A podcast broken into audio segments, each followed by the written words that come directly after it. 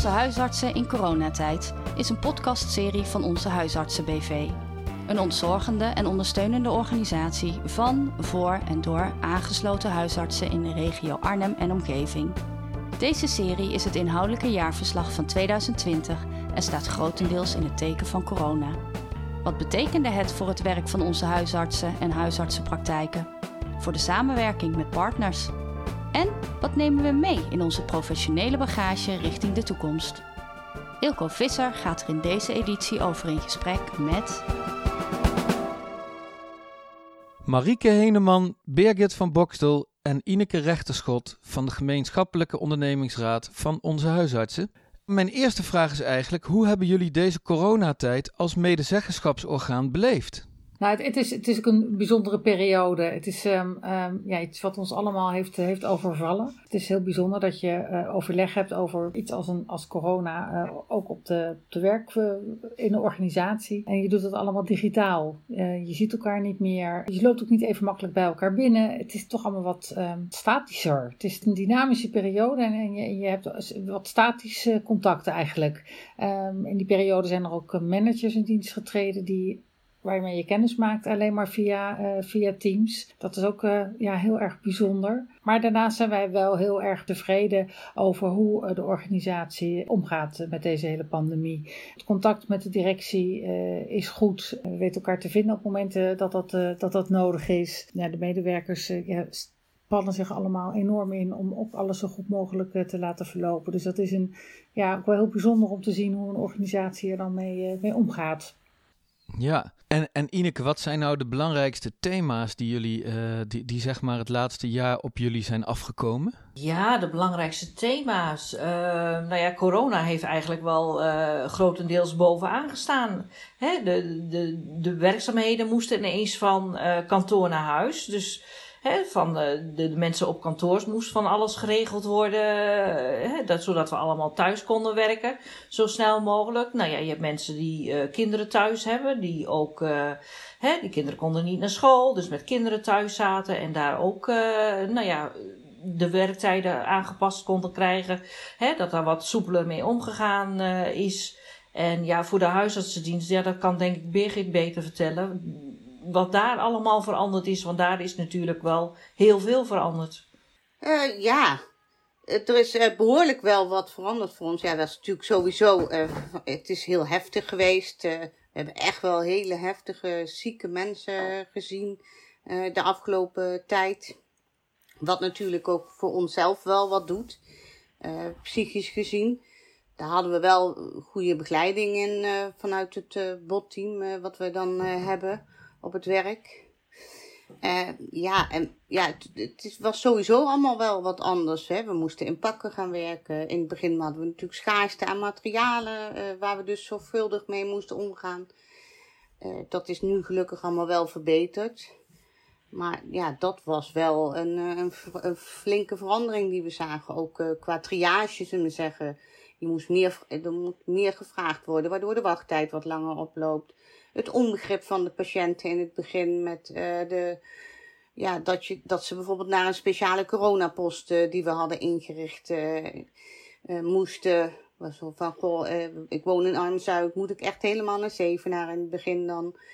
ja, dus dat, daar liepen we wel tegenaan als huis, bij de huisartspost. Ja, en, en Marieke, nou begreep ik ook dat de meldkamer uh, verhuisd is naar de Florijnweg hè, in Velp. En dat jullie daar ook wel echt wel een actieve rol in hebben gespeeld. kun je daar eens wat over vertellen? Ja, de, de meldkamer zit normaal boven de post in eh, Arnhem-Zuid. En dat is een ja, prachtige ruimte, maar eh, voor een tijd waarin er een uh, dergelijk virus uh, rondwaart, toch te klein. Dus uiteindelijk is, is op een, een, overleg ook wel besloten om de meldkamer te verplaatsen naar kantoor waar meer ruimte is. meerdere kamers ter beschikking zijn gesteld aan, aan het meldkamerpersoneel.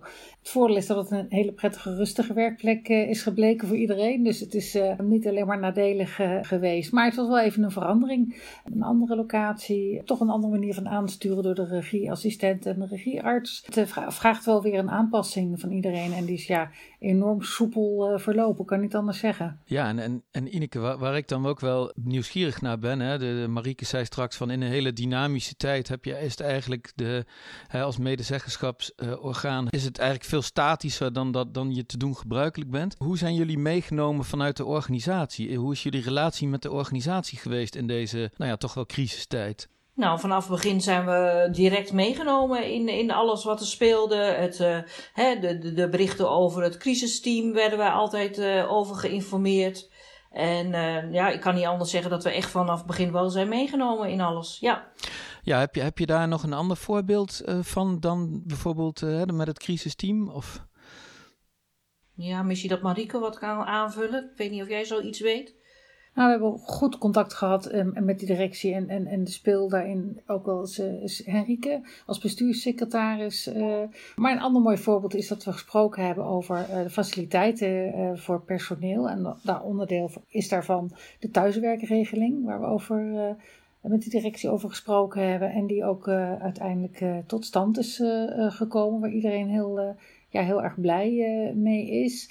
Daarnaast zijn er ook wel een aantal de gewone dingetjes doorgegaan. Of gewone dingetjes, maar er blijven dingen liggen. Maar er gaan ook wel dingen door, zoals over arbeidsvoorwaarden. Ik ben druk bezig met uh, rond de Arbo om dat nu weer op te starten. Maar er is ook bijvoorbeeld uh, op, op, verzoek ook van de ondernemingsraad een RJNE, zoals dat heet, speciaal voor de COVID-19 uitgevoerd. En er zijn nog wat aanbevelingen uit voortgekomen. Ja, dat zijn even voor de luisteraars die het niet, dat zijn risicoanalyses, toch? Ja, correct. Ja, en die is nu speciaal is gekeken naar de organisatie organisatie, de posten, naar kantoor. Wat, wat, wat doe je uh, goed? En gelukkig waren er heel veel dingen goed geregeld uh, rond, uh, rond COVID. Maar er waren ook wel wat verbeterpunten.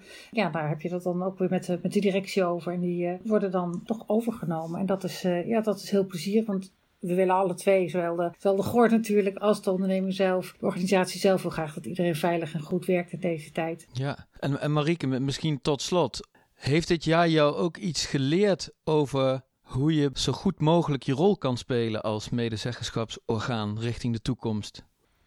Ja, richting de toekomst is best lastig. Want hoe die toekomst eruit gaat zien is nog redelijk ongewis. Maar wel dat, daar hebben we het ook met, met, met de directie over gehad. Dat er gaat natuurlijk gekeken worden naar hoe gaan we hierna uh, samen verder je kantoor kan een andere functie krijgen dan het nu heeft. Dus ja, je, je moet daar wel over na gaan denken met elkaar. De ondernemingsraad zal daar zeker ook een, een belangrijke rol in, uh, in blijven spelen. En de organisatie neemt dat ook serieus. En het vraagt ook wel misschien soms om scherper te zijn nog. Want er gebeurt erg veel. Van een organisatie wordt heel veel gevraagd. Maar er zijn ook toch processen die ook uh, langs de OR eh, moeten. En dan proberen elkaar ook scherp in te houden van wat hoort wel bij jou, wat hoort niet bij, bij jou als, als ondernemingsraad. Ja, het maakt ook wel duidelijk dat je goed naar elkaar moet blijven luisteren, naar ook scherp op moet blijven.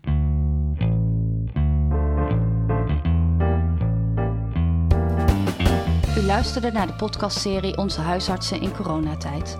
Presentatie en montage Ilko Visser. De muziek is van Marianne Huiskamp. Mocht u meer informatie willen over onze huisartsen of meer afleveringen in deze serie willen beluisteren, ga dan naar www.onzehuisartsen.nl. Wilt u feedback delen? Graag. Stuurt u dan een mail naar info.onzehuisartsen.nl onder vermelding van podcast. Bedankt voor het luisteren.